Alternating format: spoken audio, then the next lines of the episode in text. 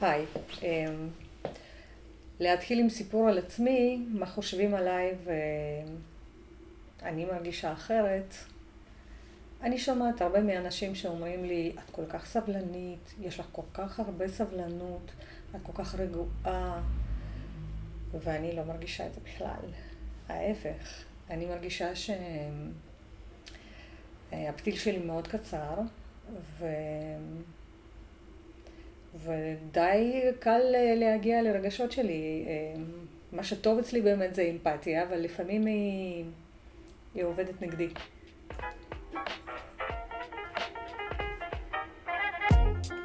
ברוכים הבאים לפודקאסט שלי. אני שרון, מדריכת הורים. בפרק של היום אנחנו נדבר על אה, מערכת היחסים שלנו ההורים עם המתבגרים שלנו.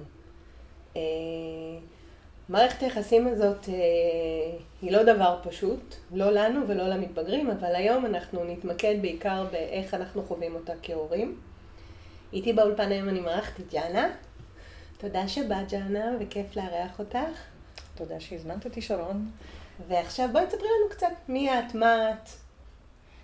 אה, אני אימא, קודם כל, אימא לשני מתבגרים, אחד אה, בן 17 ואחת בת 14 וחצי.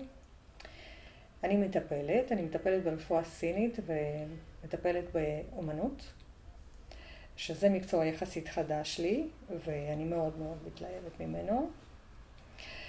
אה, ברפואה סינית יש לי כבר הרבה ניסיון, משהו כמו 15 שנה, עדיין אה, מאוד נהנית, אבל לא תמיד הייתי מטפלת. פעם עבדתי בעבודה אה, משרדית, שמונה שש, תשע שש יותר נכון, ומצאתי את עצמי לא, לא עושה את הדבר הנכון, לא במקום, התסכול התגבר. והחלטתי שאני צריכה לעשות עבודה שהיא מכוונת למטופל, לבן אדם עצמו. לא לעשות משהו שאני, שמשרת את החברה, אלא משרת את הבן אדם שצריך אותי. זה סיפור ארוך, אני לא רוצה לספר את כולו. מה שמרגיש לך בנוח. כן. אז אה, בוא נתחיל. אני... כן. בוא נדבר רגע על יחסים. יחסים, כן. מכון אדלר, הסלוגן שלו, כן. זה הכל יחסים. אוקיי. זאת אומרת שבבסיס של הכל עומדים, עומדת מערכת היחסים. ובהדרכה הדלריאנית אנחנו גם באמת, כאילו כל הזמן אומרים, בואו תחשבו רגע על איך אנחנו מתנהלים מול הילדים, במושגים של רווח והפסד, מה פוגע לנו ביחסים, מה יעשה, תעשה פעולה מסוימת, כמה היא תפגע ביחסים, אם זה שווה לי או לא שווה לי לפגוע ביחסים. זאת אומרת, כל, אנחנו בוחנים את כל הפעולות שלנו בחיים לפי מערכת היחסים. אבל יש פה איזשהו, יש פה כמה עניינים. א', מאוד קשה כל הזמן להיות עם הדרך. רגע, זה עולה לי רק 20 אה, אה, אגורות מהיחסים, זה יוריד לי בסולה. זאת אומרת, קשה כל הזמן אה, לסגל את זה, זה איזושהי מיומנות שלוקח הרבה זמן לסגל אותה. ודבר שני, זה גם באמת מכניס אותנו לאיזשהו... אה, להתנהלות כזאת של, אז אני עושה בסדר, אז אני לא עושה בסדר, ואז אנחנו קצת מאבדים את הספונטניות והאותנטיות. אז אה, מה זה מבחינתך יחסים? מה חשוב לך? אה, חשוב לי שיחסים יהיו אקולוגיים, כלומר שאנשים יוכלו לבטא את רגשותיהם ברגע שהם חווים אותם, ובשפת האני.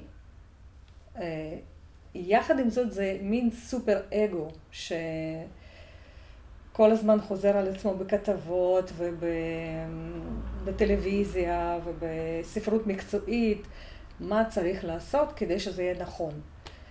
אוקיי, אני חושבת שהיום האנשים אה, די יודעים איך זה אמור להיות. שאלה מה עושים כדי שזה באמת יקרה.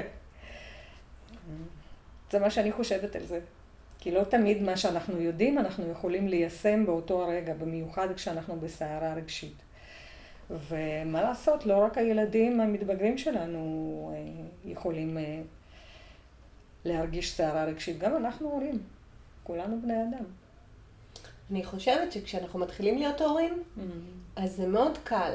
כי יש לך אה, חבילה חסרת ישע שעושה כל מה ש... זאת אומרת, יכול להיות שהוא בוחר ב... או היא בוחר ב... יכול להיות שלא טוב להם, היה להם קשה להסתגל לעולם. אבל הוא חסר ישע, הוא לא עושה, אתה חייב, בעצם הוא תלוי בך בכל אה, נימיו. ויש איזה שהם יחסים סימביוטיים כאלה, וככל שהם הולכים, ואז כאילו היחסים הם מאוד אה, מסוימים. יש מישהו שתלוי בך, חסר ישע, ואתה נותן לו את כל מה שאתה יכול לתת לו, אה, כדי להצמיח אותו, כדי שהוא יפרח, ואז אומרים לך, זה גם מאוד טבעי.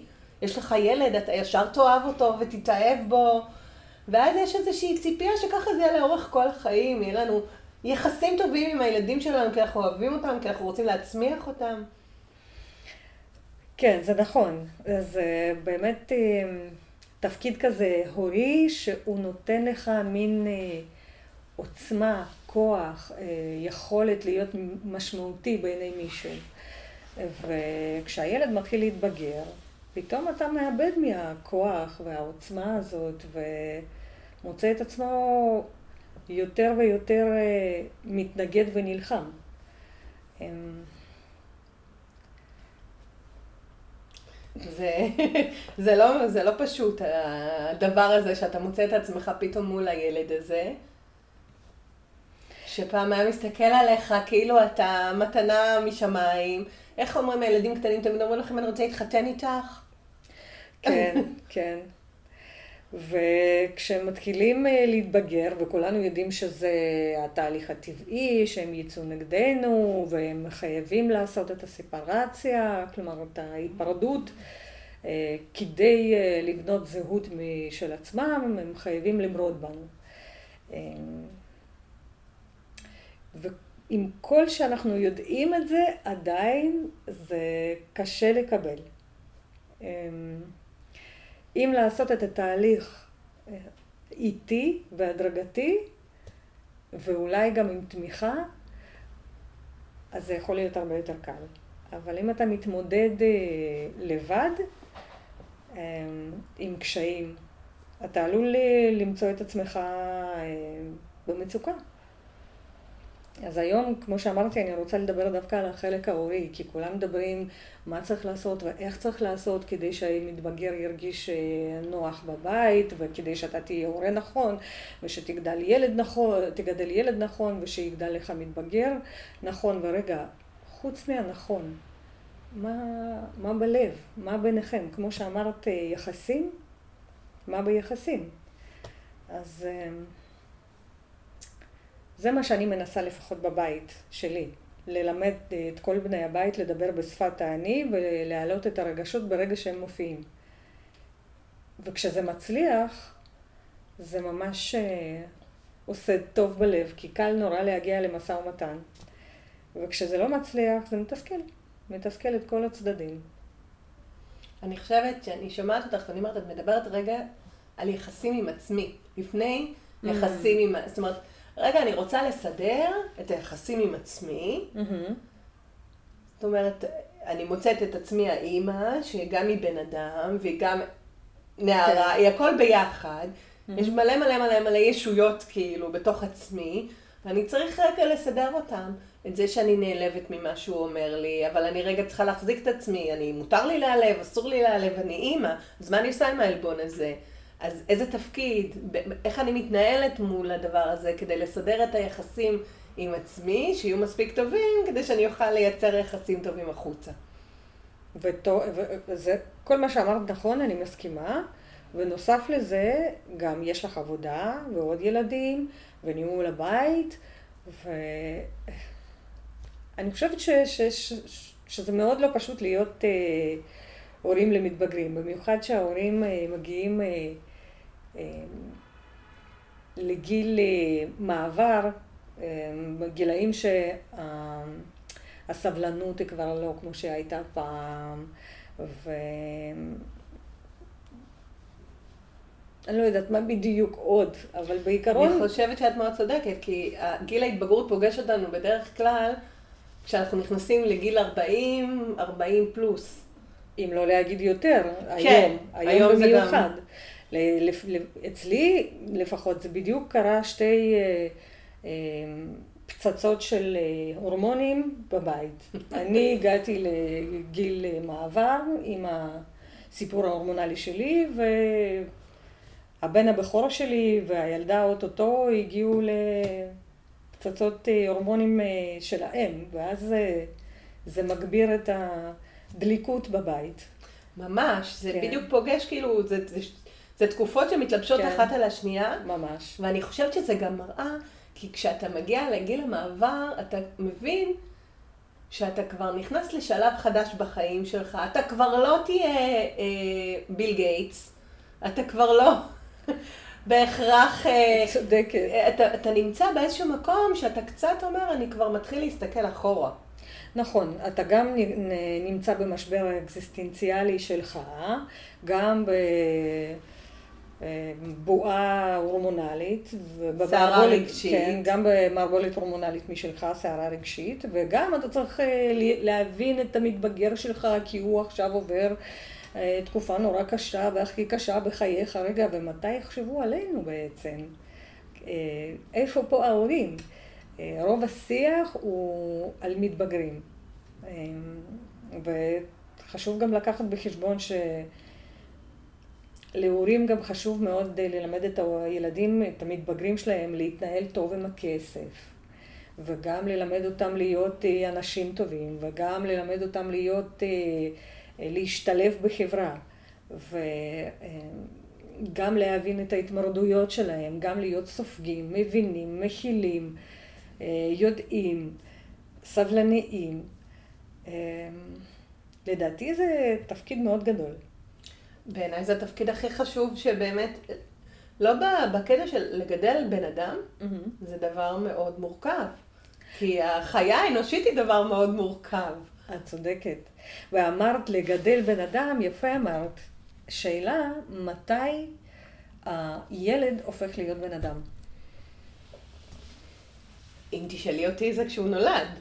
אוקיי. אתה נולד לך בן אדם. אוקיי. זה שהוא קטן לא ומתי- עושה אותו פחות בן אדם. אוקיי, ומתי את מפסיקה לגדל אותו? והוא גדל לבד. אז אם תשאלי את אימא שלי אף פעם, אבל אה, זאת שאלה טובה. אני מבחינתי, זה גם שאלה מורכבת, כי מה זה לגדל? זאת יפה. השאלה, מה זה לגדל? באמת, מה זה לגדל? לגדל זה עד שהוא גדל. כן, אבל אם את תשאלי מה זה לגדל, אז תהיה אימא אחת שתגיד לך, לגדל זה לעטוף אותו בצמר גפן, אני עוקבת אחריו, אני עולה מטפסת, כשאני שמה אותו בגן, אני מטפסת על הגדר לראות שהכל בסדר, אני מתקשרת לגננת 17 פעם, ותבוא אימא אחרת תגיד, לגדל זה לשלוח אותו ל- להיות עצמאי בעולם, במינימום התערבות, ויש בספקטרום הזה הרבה מאוד. אז מה זה לגדל? בדיוק. מבחינתי לגדל זה כשהבן אדם הפסיק לגדול גם פיזית וגם אה, רגשית ומנטלית. ברגע שהוא מראה סימנים של אחד שאפשר לסמוך עליו, הוא מדבר בהיגיון, הוא מתנהג בהתאם לסביבה שדורשת ממנו התנהגות, והוא מבין דברים ויודע להתמודד עם רגשות, זהו, הוא כבר גדול. וכמובן, נכנס פה גם החוק, כן? 18. אוקיי. במדינת ישראל. במדינת ישראל, כי אם היינו גרות בארצות ישראל. הברית זה היה 21. נכון. נכון. אז אנחנו, מכיוון שאנחנו פה במדינת ישראל, אז אנחנו מדברים על מדינת ישראל. אז זהו, זאת כן. גם שאלה. כי אני שואלת את עצמי, מה זה להתמודד עם רגשות? הרי אתה לא מפסיק לצמוח רגשית. נכון. אז פה נכנס החוק. מה קודם? או החוק, או. לפעמים בן אדם גדל גם קודם. ואם הוא גדל אחרי 18, זה כבר כל הורה מחליט לעצמו אם הוא רוצה לגדל אה, אחרי גיל 18 ילד. והאם כבר, אם הוא ילד, האם הוא ילד? זאת השאלה אם הוא ילד בכלל. את יודעת, לפי? הצבא, הצבא לוקח אותו, אז הוא כבר קודם כל לא שלך, הוא שייך לצבא, אם אנחנו מדברות על מדינת ישראל. אה, קופת חולים מכבי גורעת אותו ממך, למשל, זה אני יודעת. ברגע שילד בן 18, יום אחרי את כבר לא יכולה לקבוע לו תור לרופא. אוקיי, כבר לא שכך. נמצא. אז, אז יש כאילו באמת, אה, המדינה עוזרת לך במרכאות אה, לבעוט את הילד מחוץ לבית. מהמם. אבל זה באמת מאוד אישי. נכון. אישי למי? אישי לילד או אישי להורה? זאת גם, זאת שאלה גם כן, אבל אה, את יודעת, זה איזשהו, עוד פעם, אני חושבת שאם את לוקחת אותי עוד פעם לתחילת שיחה שלנו, זה עניין של יחסים. כן. שאלה, מה טיב היחסים בבית? ואיזה ילד אני מגדלת? אני מגדלת ילד שירצה להיות עצמאי, שיגיד, וואלה, רק חיכיתי לגיל 18 כי בא לי להיות עצמאי, אני מאוד אוהב אתכם, מאוד כיף לי פה, אבל אני חייב למצוא את דרכי בעולם. או שאני מגדלת ילד שמפחיד אותו. רגע, רגע, רגע, אני לא יוצא מפה כל כך מהר, אני צריך עוד את, ה, את, את הגג שלכם, אני צריך שתלוו אותי, אני צריך שתחזיקו לי את היד. את צודקת, זה תמיד יחסי גומלין, נכון? נכון מאוד. לפעמים אנחנו כבר מצפים שהילד יגיע לגיל 18, ולפעמים אנחנו אומרים, אוקיי, הוא, הוא רק בן 24, הוא רק בן 28, הוא רק בן 30. צודקת, זה אני נכון. אני זוכרת את זה כש, כן. כשהבן שלי היה קטן, כן. הבכור, אז הוא, הוא מי שהוא, הוא בן אדם שהוא, את יודעת, והוא היה הראשון, לא גידלתי לפניו עוד ילדים. Mm-hmm. והיה עניין נגיד של אה, להוריד, מה, להוריד מהשולחן אחרי ארוחת ערב. Mm-hmm. עכשיו זה לא היה אישו בשבילי, כאילו היה ילד אחד, אכל ארוחת ערב, קם הלך לענייניו, ואני הורדתי, פיניתי מהשולחן, כי לא חשבתי על זה בכלל, mm-hmm. שיש פה עניין של לחנך בדבר, זאת אומרת זה לא היה עניין אצלי. אבל איפשהו כשפגשתי עוד ילדים בדרך וראיתי שיש ילדים כבר קטנטנים כן. שלוקחים את, השולח... את, ה... את הצלחת שלהם ושמים אותה בכיור mm-hmm. ומנהלים איזשהו, אה, מסייעים בבית, פתאום כן. נפל לי האסימון שזה שלא אכפת לי, mm-hmm. בעצם אני לא מחנכת אותו כראוי בעיניי, כי אני רוצה שהוא יהיה תורם ומועיל, כי אני רוצה שהוא ידע שהוא נותן יד, שהוא גר בבית והוא צריך להיות חלק ממנו. ואני זוכרת שכל הזמן חשבתי, זה בטח יבוא לו לבד, זה בטח יגיע מתישהו, שהוא היה בן ארבע, שהוא היה בן חמש, היה... זה לא בא לבד. יפה אמרת, הכל, כל חינוך הוא מבוסס על ערכים גם אה, אישיים של ההורים וגם אה, על ערכים של חברה שאנחנו חיים בה. ומבחינתי ערכים זה שבן אדם יהיה עצמאי וידע לסמוך אה, גם על עצמו, וגם אה, כשהוא לא יכול להסתדר לבד, שידע גם לבקש עזרה ולסמוך על, על הורים שלו, או על אנשים אחרים מבוגרים שיכולים לעזור לו. אז מבחינתי זה ערך. וכמו שאמרת על צלחות, כן, אצלי בבית זה ערך. אצלנו על מקרר תלויה טבלה עם חלוקה לימים, מי אחראי על כלים ומי אחראי על כביסה. ולכל אחד יש את הימים שלו, וזה מתבצע בבית. לפעמים צריך להזכיר לילדים, אוקיי, האמת, גם לפעמים צריך להזכיר גם לי, אבל זה נעשה. זה נעשה, ואני חושבת שכולם מרוצים מאיך שזה קורה. כן, לפעמים הילדים באים ואומרים, לאף אחד בבית אין דבר כזה, אנחנו כל כך משקיעים, כי אנחנו בבית של רוסים, בגלל זה אנחנו עובדים, אף אחד לא עושה את זה בבית. אמרתי, אוקיי, זה הבית שלנו, זה מה שחשוב, וזה מה שיקרה. תגידי להם לא להתקרבן, גם אצלנו בבית, לכל ילד יש תפקיד. אוקיי. בסדר, הם לא היחידים שיש להם תפקידים, אמנם לא כביסה, אוקיי. אבל יש לנו ילד שמוציא מפנה מהמדיח, ויש לנו ילד שעוזר לשים את הכביסה בתוך המכונה. ויש ילד, כל ילד אחראי על החדר שלו. כן, וכאן אה, בדיוק אנחנו מגיעים לעניין של אה, מניפולטיביות של מתבגרים. אז זה גם אה, בא לשרת אותם, אבל בעקיפין זה גם משרת אותנו. זה מגדל אותנו וזה מבגר אותנו, זה מלמד אותנו לשים להם גבולות, שהם כל כך צריכים אותם גם. למרות שהם כל הזמן אה, מתלהמים בהם ומורדים. אה, אז מכיוון שאנחנו מדברים פה יותר על, אה, על חלק של ההורים בעניין, בשבילי היה לא פשוט ללמוד לא ליפול למניפולציות.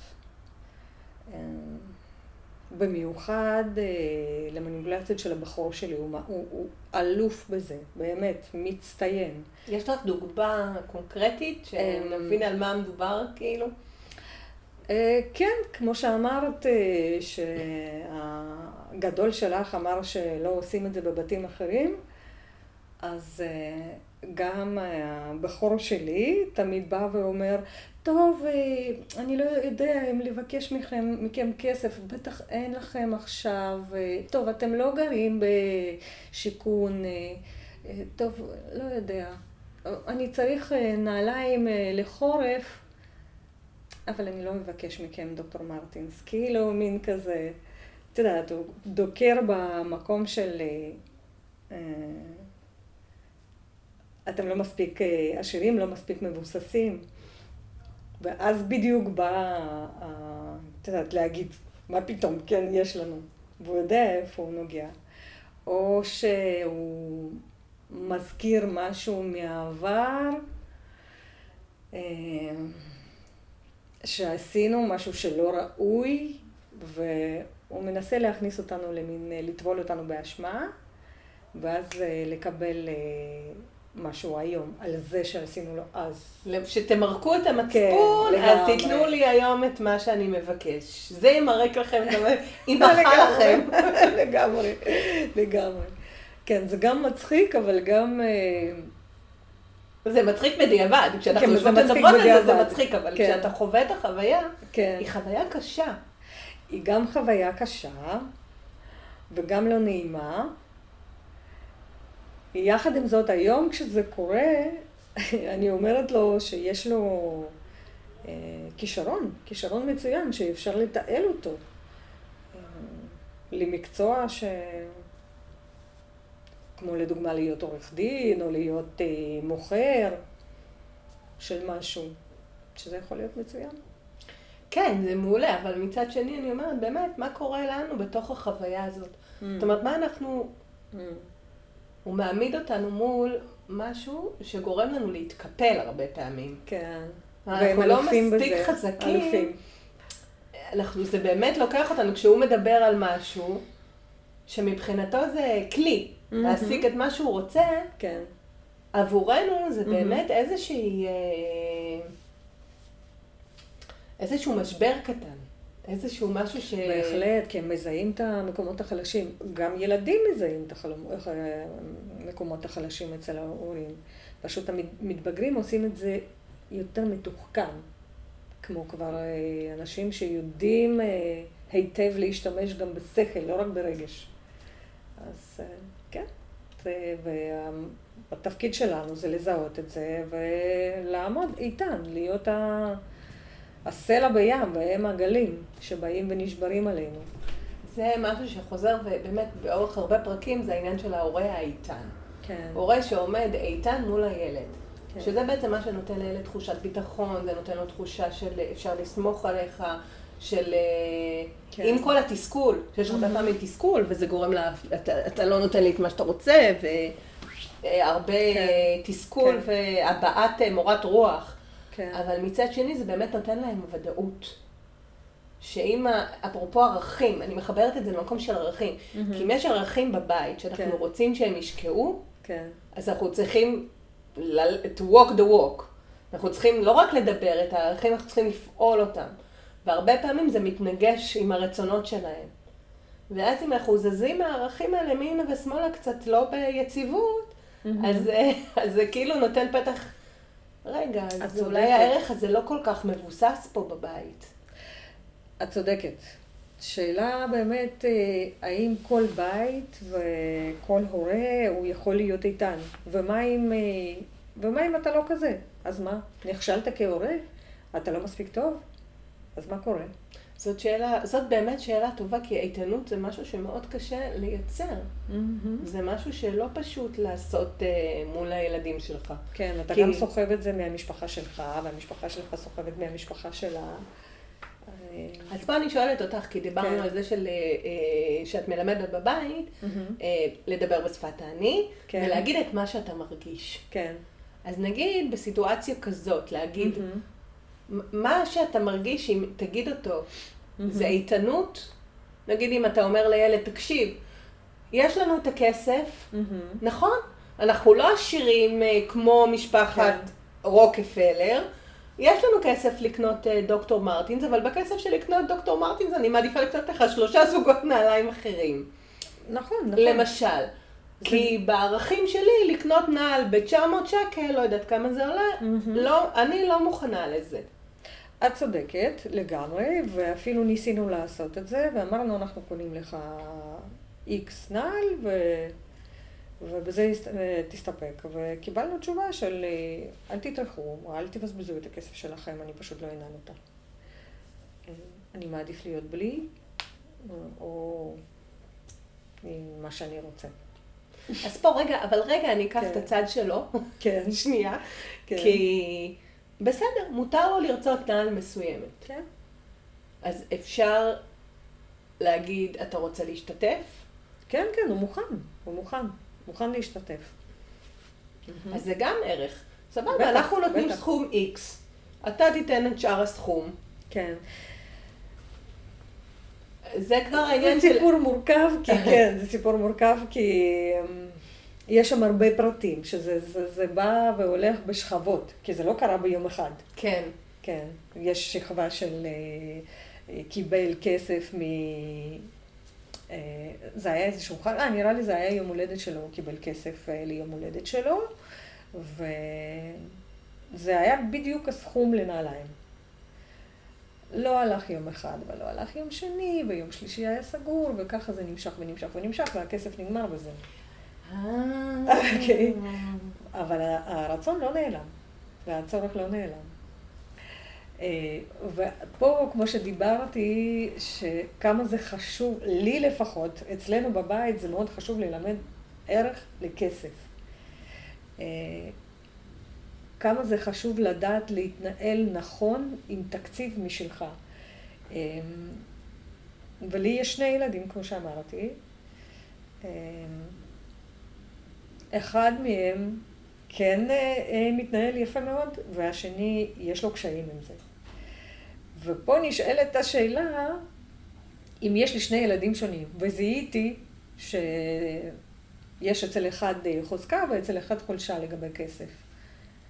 האם אני הולכת איתם, או שאני הולכת לפי ערך ומנסה אה, לדחוף אותם למסגרת שלי יש בראש?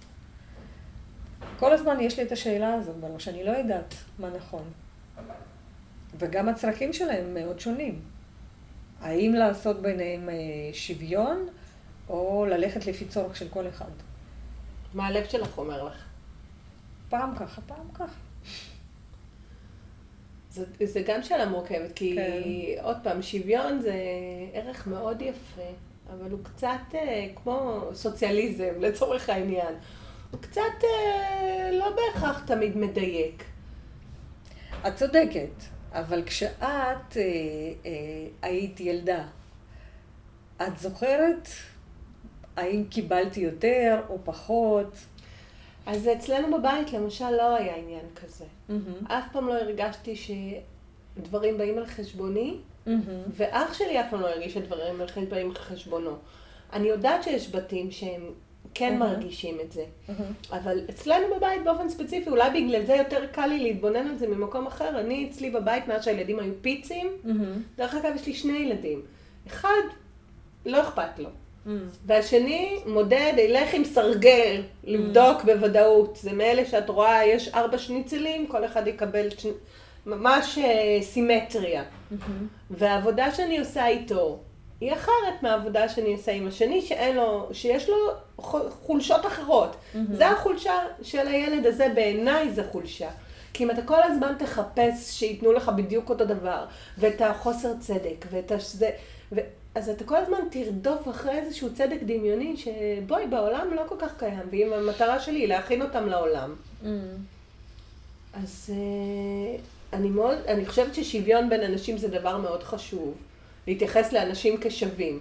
ואני לא חושבת שכל בן אדם צריך לקבל אותו דבר. אם מישהו בא מבית מאוד עשיר, אני חושבת שמישהו בא מבית עני, אז צריך לתגבר את בית ספר שבשכונה ענייה, כי בבית ספר בשכונה עשירה, אה, גם ככה רוב המורים רוצים להיות, וגם ההורים משלמים עוד כסף ל... יכולים לתחזק את הילדים. זאת אומרת, יש פה איזשהו עניין בעיניי ששוויון הוא, הוא מורכב. בדיוק. מסכימה איתך שזה מורכב, במיוחד שזה אותה משפחה, אותו, אותה רמת אה, הכנסות, ושני ילדים עם צרכים שונים. ולפעמים אבל אתה... הם גם בגילאים שונים. נכון, הם בגילאים שונים, והם גם במין שונה. לא יודעת לומר לך, אין לי תשובה ככה בשלוף. לא יודעת. אבל כן חשוב לי ללמד אותם אה, אה, לנהל תקציב. זה כן חשוב לי. אז זה, זה ערך מוביל, וזה דבר לגמרי, ממש כן. חשוב בעיניי. אבל אני אומרת שוב, אז איך עושים את זה בצורה מיטבית כשאתה, זאת אומרת, מה שחשוב זה לדבר בשפת האני. ו- ובעצם אה, לתקשר את הרגשות שלך. כן. אז אתה, איך את עושה את זה כדי... איך אני, איך אני כאימא עושה את זה? כן, נגיד איך סיטואציה שצריך לתווך לו, תקשיב, אני לא חושבת שאני צריכה לתת לך עוד איקס כסף לעשות כן, כן. משהו. זה מרגיש לי לא נעים שדורשים ממני דברים עוד ועוד, בלי, בלי קודם להודות על מה שכבר קיבלת. זה מה שאני אומרת. ואם אני מרגישה שאני נפגעת, אז אני אומרת שאני נפגעת. אם אה, לפעמים הוא מדבר לא יפה, אז אה, כואב לי, אני אומרת, זה מכאיב לי. מכאיב לי וכואב לי, ואני לא חושבת שמגיע לי לשמוע את זה. ו... ואת אומרת את הדברים, את באה ואת אומרת לו, אני... בדרך כלל, אני אומרת, לקח לי אה, כמה שנים להתאמן על זה, ולא הצלחתי מיד, וגם היום, אני לא מצליחה כל פעם, אבל עם השנים, יותר ויותר אני מצליחה לומר מה בדיוק זה עושה לי, ומה אני מבקשת לעשות. ואנחנו מנסים גם לשבת אה, על משא ומתן, לא כשאנחנו בס- בסערת רגשות, כשאנחנו בסערת רגשות, אני אומרת, אני בסערת רגשות, כואב לי, אני נפגעת, אה, או גם כשנעים לי, אגב, אני גם אומרת, שנעים לי, שמתי לב, אני מציינת שעשית משהו בשביל בית, בשבילי, אני מאוד מעריכה את זה, גם זה אני אומרת. אמ, וכשהרוחות נרגעים, אנחנו יושבים ב... ו... על משא ומתן, וכל אחד מציע מה הוא רוצה, כל אחד אומר מה הוא רוצה ומה הוא מציע כדי לפתור את העניין, ומנסים להיפגש באמצע. בסופו של דבר הכל נפתר, אבל עד שאנחנו מגיעים לפתרון, זה לפעמים עוברים אה, כמה וכמה גלים של אה, רגשות. כן.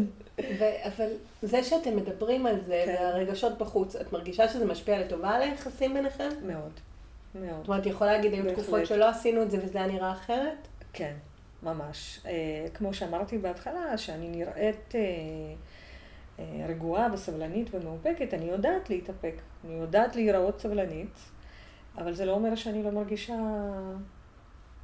משהו בלב. וכן, למדתי לבטא את זה ולומר מה אני מרגישה.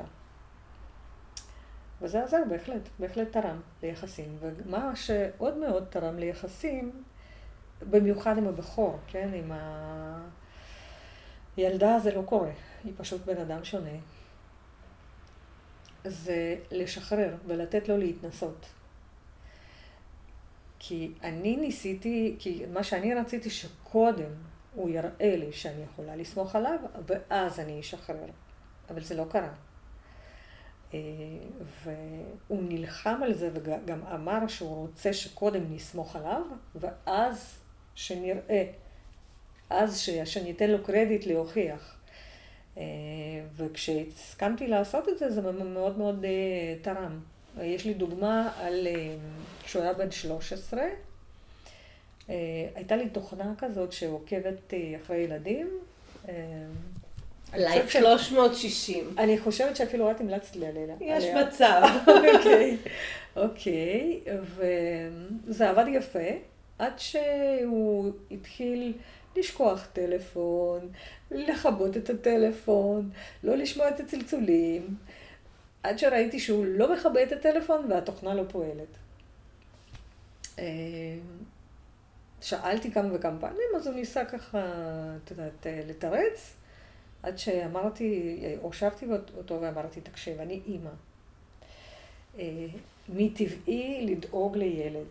אתה כבר מתבגר, אתה כבר בן 13, יחד עם זאת אתה רק בן 13 בשבילי. רק עכשיו התחלת לנסוע באוטובוס לאיזשהו מקום ולהיפגש עם אנשים, עם ילדים שאני לא מכירה לא אותם ולא את ההורים שלהם, זה מעלה את רף הדאגה אצלי. אה, אז אני מבקשת ממך להבין אותי, חשוב לי לדעת שאתה בסדר, ו... ואת לא סומכת עליי, ואת לא סומכת עליי. אז שאלתי אותו, כמו שאמרתי, משא ומתן, מה אתה מציע? ומה אתה רוצה? אז הוא אמר שהוא מבקש שאנחנו ננתק אותו מהתוכנה הזאת, כי הוא כבר גדול. ואני מבחינתי ביקשתי שיענה לכל צלצול, ושיודיע איפה הוא נמצא ומתי הוא יחזור הביתה, ואם התוכניות משתנות, שהוא יודיע. אז הסכמנו. היה לי קשה. היה לי קשה לשחרר. זה היה השחרור הראשון שלי, וניתקתי אותו מהתוכנה הזאת, ווואלה, זה באמת שיפר את היחסים. והוא באמת התחיל יותר אה, לענות לי טלפונים ולהודיע ולעדכן אותנו יותר. אחר כך היו עוד ועוד כאלה, תחנות כאלה של עוד אה, שחרור ועוד שחרור ועוד שחרור, וכל פעם זה הביא ל... באמת ליחסים יותר טובים. אמ, יחד עם זאת, זה לא, זה לא, זה לא כזה, עשינו את זה והכל הסתדר. אה, מה פתאום, זה אף פעם כן. לא ככה. כן. קודם כל מאוד שישר אותי, כי אחד לאחד הסיפור שלך היה אצלי בבית, כן. עם הבכור שלי.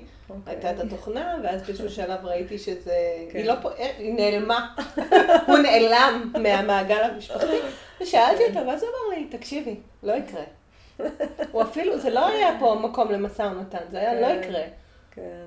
אה, אני לא שמה את אותו, אני מספיק גדול, ואז באמת, השיח היה אותו דבר. אתה רוצה, אין בעיה, אבל אתה, כל פעם שאני מתקשרת אתה עונה.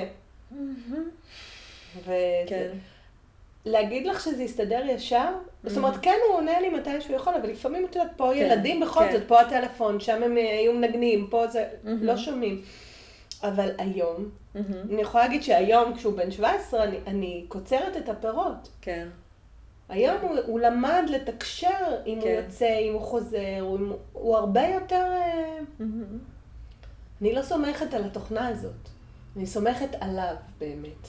וזה באמת מה שמאוד משדרג יחסים, שאת לא צריכה להיעזר בדברים חיצוניים, כן. אלא שהיחסים ביניכם... לגמרי. אז פה באמת זה מהצד של אה, מתבגרים, זה לגרום להורים שלהם לסמוך עליהם, בין אם זה במלחמה ובכוח, ובין אם זה בבקשה. אה, שאלה איך מרגיש ההורה ומה המקום שלו ומה התפקיד שלו באינטראקציה הזאת. אה, כי אני, כמו, כמו שאמרתי כבר, כהורה, אני, קל לי לשחרר את הרסן כשאני רואה שיש על מי לסמוך. והם רוצים בדיוק ההפך, לקבל את הקרדיט. אני לא יודעת איך זה אצל הורים אחרים, אבל לי זה היה ממש קשה. ממש קשה לשחרר קודם. זה כאילו אה, לשים את הרגל מעל התהום ולהתנדנד על הרגל השנייה. אה... אני חושבת שזה זה מתאר מאוד את הקפיצה של גיל ההתבגרות. Mm.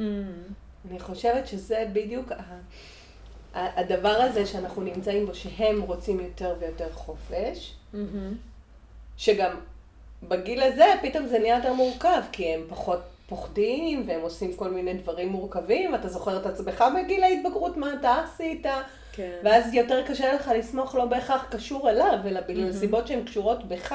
כן. אתה מבין שזה בעיה לסמוך על מתבגר, והם מאוד זקוקים לדבר הזה, ואנחנו מאוד זקוקים לזה שהם יהיו יותר, כאילו אנחנו מרגישים שהם מתחילים לצאת לנו, מה, לברוח מהכן, mm-hmm. לברוח מהמקום שבאמת את יודעת, שתמיד לוקחת אותו, ותמיד את יודעת איפה הוא נמצא, mm-hmm.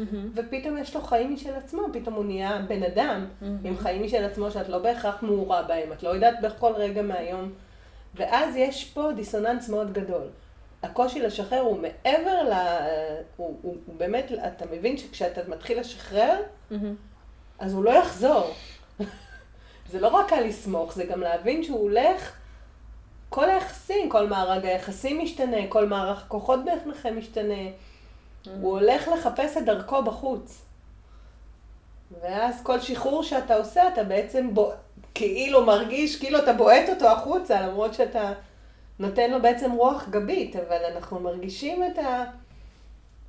כן, כן.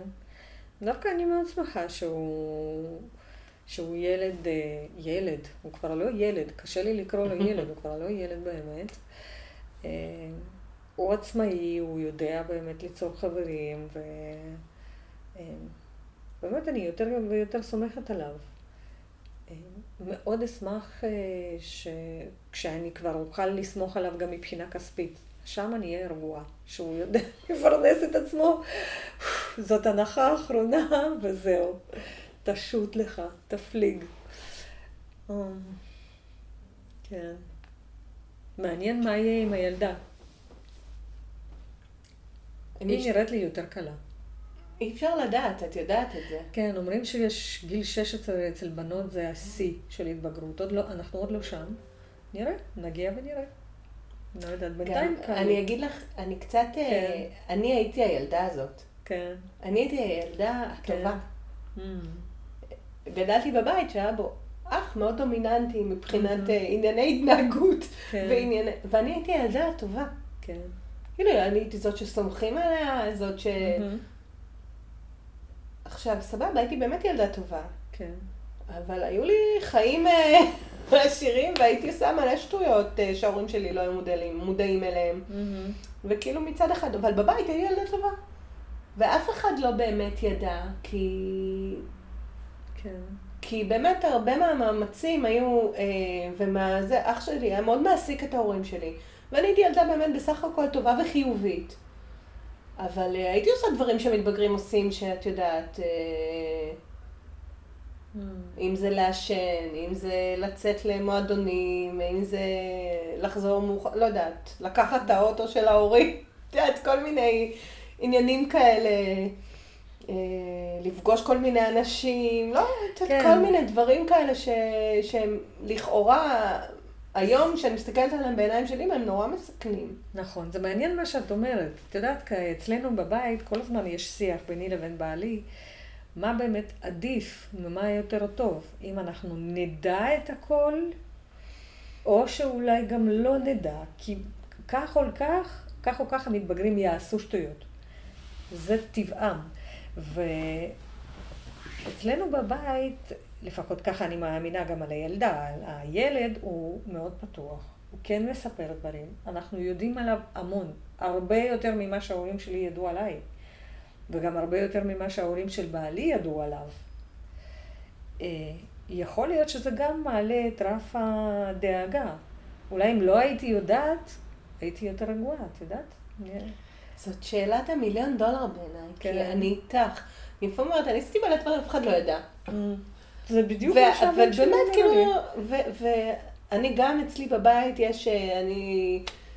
איכשהו מתחיל לפעמים לענות לו TMI, שזה too much information, כן, כי הוא. באמת יכול להגיע למקומות של, מה יש לך? אני אימא שלך, שקט. כן, ממש ככה. ממש ככה. ומצד אחד אני מאוד סומכת עליו, הוא מאוד בוגר, ו- ואני רואה את החשיבה שלו, וכל פעם מחדש אני גם מופתעת. כל פעם מחדש אני גוזרת, פתאום אני אומרת, יואו, הנה כל מה שהשקעתי, וואו, פתאום, פתאום זה צץ. את יודעת, דברים שמחכה ומחכה ומחכה ומחכה ומחכה. ארבע שנים, ופתאום בא איזה משהו, השבוע היה לי משהו שבאמת הייתי מוקסמת. אמרתי, וואו, כאילו, וואו, שתלתי את זה, וחיכיתי בסבלנות, וכבר הייתי קרובה להתייאש. באמת, להתייאש במחשבה שאולי אני לא התנהלתי נכון, שאולי נתתי לו יותר מדי חופש, לחשוב בעצמו ולבחור בעצמו, ולא להתעקש איתו על דברים מסוימים. בדיוק, אז זהו, אז גם אנחנו, מכיוון שמאוד רצינו לתת לו לבחור, וגם לבת. הם בחרו לבד את התיכונים שהם ילכו אליהם. איבדתי את, אה, את הנקודה שלי, לא רציתי שהוא ילך לתיכון הזה, אבל הוא בחר, אז כיבדתי את הבחירה שלו. לא משנה שאחרי שנתיים הוא החליט שזה לא מתאים לו והוא רוצה משהו אחר, שהוא גם בתשלום, כמובן שלנו, והוא קיבל את זה, ואני רואה כמה זה תרם לו. כן, חשוב לי לתת להם לבחור, כי זה מ- מ- מלמד אה, עצמאות. אפילו שזאת תהיה טעות, כמו עם, אה, במקרה של אה, בן שלי, עשה בחירה, ראה שזה לא מתאים לו, עשה בחירה אחרת. ותמכנו. ואני מאוד שמחה שתמכנו ומצאנו את הכוחות להיות באמת איתו. אמ, למרות שכן, לפעמים אני שואלת את השאלה, האם זה נכון?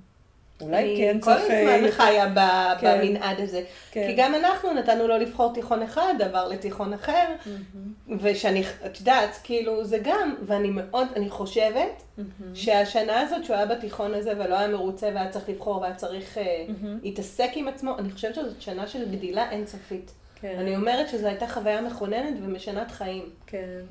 אבל הרבה פעמים אני באמת אומרת, את יודעת, מהמם. אולי אם הייתי הורה יותר... אה, אה, אני, אני באמת הורה שמאוד חשוב לו בחירה וחופש ו, ויחסים טובים. מהמם. זה בא על חשבון הרבה פעמים של אה, החזקה, של... אה, אני אף פעם לא יודעת במאה אחוז מה נכון או מה לא נכון. כן, זהו, הידיעה, אין, אין ידיעה מוחלטת. אה, ברגע שהפכת להיות אה, הורה, אה, גם תחושת האשמה תמיד קרובה. וגם, אה, וגם הרבה ספק והרבה שאלות. ואפילו לפעמים שאתה בטוח, שאתה יודע מה נכון, פתאום הכל מתהפך ואתה שוב בשאלה. אתה כל הזמן חוזר בשאלה. אני שואלת את עצמי, כן, כמה מתוך זה, כשאני לא מסתכלת החוצה, כן, כשאני בדלת אמותיי, מה שנקרא, כן. יש בי איזושהי שלמות מאוד גדולה עם הדרך, כן. ואני באמת חושבת שהיא... כן. אני הולכת הכי קרוב למה שאני חושבת שהוא צריך להיות. ולפעמים אתה מסתכל החוצה על משפחות אחרות, או על ילדים אחרים, ואתה אומר, וואי, הייתי רוצה שהוא יהיה קצת יותר כזה, וקצת... ואז כשההשוואות האלה נכנסות לתוך ה... אז, אז מתחילות הספקות לעלות בי. אולי אם הייתי קצת יותר אה, קפדנית, אז הוא היה מגשים קצת יותר מהפוטנציאל שלו. אבל מי אמר שצריך להג- להגשים פוטנציאל בצורה X ולא בצורה Y? כן, לגמרי. אמ, זה פחות, אני חושבת, תופס אותי, המחשבה הזאת. אבל מה שכן זה... שוב, אני רוצה להעביר מסר להורים של מתבגרים, כי אנחנו כל כך רוצים להיות נכונים, כל כך רוצים להיות הורים טובים, והרבה פעמים גם רוצים להיות יותר טובים ממה שההורים שלנו היו בשבילנו, שאנחנו קצת שוכחים את עצמנו, ולמעשה, כדי להיות אה, הורה טוב, אתה קודם כל צריך לדאוג לעצמך, סך הכל. כש... הצרכים שלך הבסיסיים מסופקים ואתה מרגיש מלא, אז גם הרבה יותר קל אה, לך לתת ולהיות איתן. אמ, אז לפעמים אני חושבת, האם לא נתתי לו מספיק, האם לא הייתי, אולי מוקדם מדי שמתי אותו בגן, אולי הגן הזה לא היה הכי טוב בשבילו, ואז אני אומרת לעצמי, רגע, קודם כל את. זה כמו במטוס, את קודם שמה על עצמך את המסכה, ואז נותנת לילד. אותו דבר, גם בחיים. אמ, ובאמת, כשאני מסופקת עם עצמי, אה, גם רגשית וגם, אה, אגב, מקצועית, גם הרבה יותר קל לי להיות אימא טובה. אני שמה פה מרכאות ולא רואים אותם, כי אין דבר כזה אימא טובה. אימא טובה דייה. בול. כמובן. אני רוצה לתמוך בך בזה, אני חושבת כן. שזה אחד הדברים, באמת, אנשים הולכים לאיבוד בהורות שלהם. זה בלי שום קשר לגיל ההתבגרות, זה קורה גם כשהם קטנים. כן. ו... ו... ואז מתחיל כאילו באמת איזושהי, יש איזשהו ריזנטמנט גם כלפי הילדים, כאילו מהמם. לקח לי. מהמם. אתה לא... צריך לש... לדאוג שיהיה איזשהו איזון נכון כן. בין מה שאתה יכול לתת, רוצה לתת, לבין באמת איזשהו למלא את המיכל. כן. הרי אם, אה, אם הטובה דייה ההורות כמיכל, אתה ממלא את המיכל, מיכל, מיכל הוא מתמלא. צריך לשפוך אותו איפשהו, צריך לטעון אותו עוד פעם, צריך לנקות כן. אותו כדי שתוכל לבוא נקי. כן. כן, זה... אני גם רוצה להתייחס לכמות האינפורמציה שהיא נגישה היום. מצד אחד זה מצוין, כי באמת אה, בקלות אתה יכול בקליק אה, על המקלדת, אתה יכול למצוא מלא דברים מאוד מועילים. מצד שני, מרוב שיש לך דוגמאות למופת, ואיך צריך, ומה צריך, והגישה הזאת דוגלת בזה, והשיטה הזאת דוגלת בזה, ויש מלא עצות איך להיות הורה מושלם. מרוב האינפורמציה הזאת אתה מרגיש שאתה לא מספיק טוב, אתה לא מושלם, אתה לא מתאים לרמות האלה, אוי ואבוי ואבוי. אז uh, לפעמים uh, המינוס זה הפלוס החדש. פשוט uh, לחתוך uh, uh, מרוב האינפורמציה ומהעצות של אחרים, ויותר לסמוך על, uh, באמת על הערכים הפנימיים שלך. כל הזמן לחזור על זה. גם תוך כדי השיחה הזאת, אני מבינה שכשאני נשענת על הערכים שלי, אה, גם הרבה יותר קל לי לעמוד מול, אה, מול קשיים עם המתבגרים. את הכי צודקת שבעולם, כי כשאנחנו מדברים על הדרכת הורים, mm-hmm. זה אחד הדברים המשמעותיים בהדרכת הורים, mm-hmm. היא תתחבר לערך שלך. כן. כי המריבות הכי הכי, או המקומות הכי נפיצים, mm-hmm. זה כשהילד פוגע במקום mm-hmm. שהוא ערך שלך. ואז אתה מרגיש טח, צניחה של תחושת ערך, כן. ואתה אומר, רגע, מה גידלתי אותך? כל החיים אני מגדל אותך בבית, זה החינוך בבית וזה וזה, ואתה בא ועושה את ההפך. Mm-hmm. ואז בעצם באמת כל התחושה הזאת של אני הורה לא מספיק טוב, של נכשלתי בחינוך, כן. של... זה פוגש אותך, וכשאתה מונע מתוך הערכים האלה, ואתה יודע מה אתה רוצה, אז הרבה יותר קל לך גם להגיד, תקשיב, זה הערכים שלנו בבית, שיהיה לך בית, תעשה מה שאתה רוצה, אבל בבית שלנו אלה הערכים שאנחנו מתנהלים. ובסופו של דבר גם צריך לזכור את זה בגיל ההתבגרות, בטח שהם בועטים בערכים האלה, כי הם מנסים למדוד חליפות אחרות. ברוב המקרים, ברוב המקרים עם אווירה משפחתית טובה, עם בית, בסיס שלו סבבה ויחסים טובים, ברוב המקרים הם עושים חזרה אחורה פנה באיזשהו שלב, באיזשהו גיל, הם עושים חזרה, חוזרים לערכים של הבית. מקסימום, בחלקם הגדול, חלק מוסיפים, חלק מורידים, אבל כרגע הם בדיוק, הם חייבים לבעוט בהם כדי להיוולד מחדש. כן, כן. ובגלל זה גיל ההתבגרות נחשב הרי חלון הזדמנויות. כן. של צמיחה. נכון, נכון. כן. אבל אנחנו, ההורים, כבר עברנו את זה. את יודעת מה הערכים שלך. Mm-hmm. אז באמת יותר קל, כי כשאתה הולך לפי ערכים יותר קל לך להגיד לא, נכון. ולעמוד מאחוריו.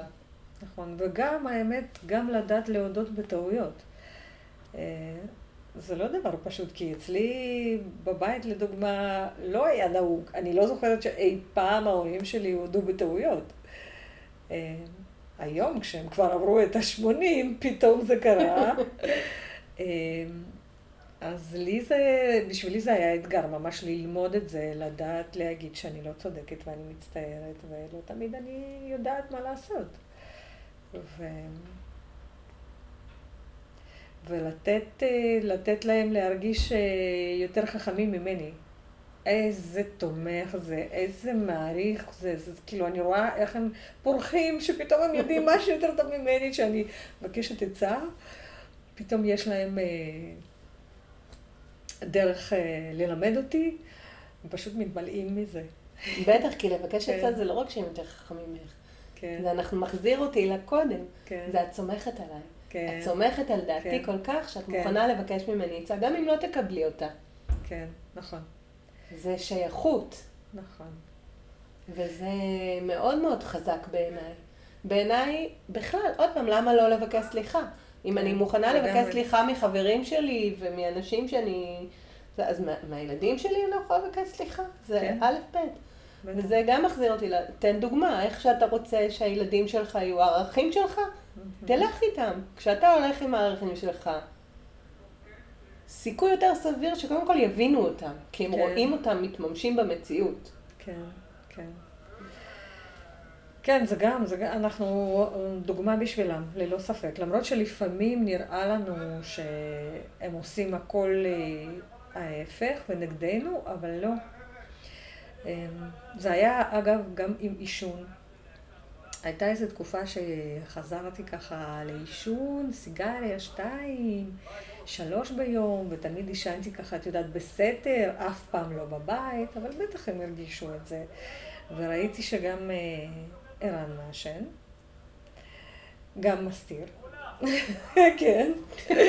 תראי לי את המתבגר שמתחיל לעשן ולא מסתיר. כן, אז אה, אמרתי, אני לא אה, אטיף לו מוסר, אני קודם, כלומר, כן אמרתי לו שאני יודעת שהוא מעשן ושאני לא מרוצה מזה, ואז אה, ישבתי עם עצמי, עם עצמי והבנתי שאני קודם צריכה להפסיק לעשן, אז יהיה לי מה לומר לו. אז הלכתי ועשיתי את זה, קראתי את הספר של אלן קאר, הפסקתי. קניתי את הספר הזה גם לערן. אני לא יודעת אם הוא קרא אותו, שם, אמ, אבל הוא הפסיק, הוא הפסיק לעשן. ממש, ממש שמחתי לראות את זה. איזה מדהים. כן, כן. אבל חשבתי שהוא ילך נגדי, אבל לא, הנה. עשיתי משהו והוא אחריי, למרות שזה לא היה, תראה, אני דוגמה, פשוט עשיתי את זה. לא צריך להגיד כל כך הרבה הם רואים. כן. זה גם כמו שאת אומרת, את לא כן. יודעת, הם הרבה פעמים יגידו לך משהו אחד. כן. בעיקר בדרך כלל משהו נגד, הם יגידו לך לא, לא, לא, לא, לא, כשאת באה, אבל הם הולכים ממה שאת אומרת להם, והם עושים משהו אחר. זה נכון, כשהם היו ילדים ראיתי את זה הרבה הרבה יותר. כי את יודעת שהם היו באים הביתה עם מה שהם למדו בחוץ, ומה שהם למדו בבית ראיתי שהם מביאים החוצה. במיוחד כשהיו באים האורחים אלינו, או שאני שומעת אותו מדבר עם החברים שלו, פתאום אני שומעת משפטים שאני אומרת, וואו, איזה דבש על הלב. לגמרי. כן, כן. וואו, אז זה, זה הזמן להגיד כן. שהשיחה שלנו נגמרה. זה פשוט אוקיי. מדהים, כאילו, איך הזמן עובר מהר. כל פעם אני מסתכלת, לא יכול להיות שנגמר, אבל נגמר. כן. אז אני רוצה רגע לסכם, ואז... כן. אה, דיברנו על יחסים עם מתבגרים, כן. שבעצם מתחילים עם יחסים שלנו עם עצמנו, בהבנות שלנו, מה הערכים שלנו, mm-hmm. בלתת לגיטימציה לעצמנו, לרגשות שלנו, mm-hmm. גם אם הם קשים. Mm-hmm. אה, לא לשכוח את עצמנו בתוך כל הדבר הזה של לגדל מתבגרים. גם לקחת רגע לעצמנו, גם לכבד את עצמנו, לשים את הגבולות של עצמנו. ותוך כל הדבר הזה, אה, כשאנחנו מכבדים את הרגשות שלנו ומתחברים לרגשות שלנו, אנחנו יכולים אה, לנהל מערכת יחסים יותר טובה עם המתבגרים. אז אה, מה את אומרת על הסיכום? כן, בהחלט מסכימה עם כל מילה, וכן אמרת, לא לשכוח את עצמנו ולהישען על הערכים שלנו, ולא לשכוח גם שבסופו של דבר בלב ישנה אהבה, והיא הריכוך וה... והחיבוק. לגמרי. אז נשארנו עם שלב השאלה כן. הזהה. שזו שאלה שאני שואלת את כל האורחים שלי בסוף הפרק. עוד עשר שנים, את עושה ארוחת שישי. הילדים מגיעים הביתה. פותחים את הדלת. מי נכנס? מה הם השאירו, מה הם כמו בהתבגרות, מה היא... אמ, קשה לי ככה לענות על זה. אם אני עוצמת עיניים ומנסה לדמיין את זה, אני רואה את הבכור שלי, בא עם חברה, אמ, כבר מנוסה, בן אדם שעבר לא מעט ניסיון בחיים וחוויות, אה, יודע מה הוא רוצה, מי הוא. אם זה מבחינת מקצוע, אני לא יודעת לומר. אבל הוא נראה לי בן אדם בטוח בעצמו, הוא יודע את הדרך, יודע מה הוא רוצה ואיך להגיע. ומה שנשאר לו מהתבגרות זה ה... זה הסקרנות והיח... והרצון להתעמק בדברים ולחקור אותם לעומק, ומתלהב. והבת שלי, איכשהו אני מדמיינת אותה או סטודנטית לתקשורת, משום מה, לא יודעת למה, או אולי מפיקה בקולנוע או בטלוויזיה. משהו שקשור לתקשורת, בהחלט. ילדה יפה. ילדה יפה ללא ספק. כן. אז תודה רבה. תודה לך, היה שרון. מאוד מעניין בשיחה הזאת. כן. ולכם, תודה על ההאזנה. אתם מוזמנים להאזין בכל הערוצים, לעשות לייק, לשתף, וכמובן להגיב גם בעמוד הפייסבוק, גם לשלוח מיילים, גם באפליקציות השונות, ותפיצו הלאה, שכולם ייהנו מהתכנים המעניינים האלה. תודה רבה, נשתמע, ביי!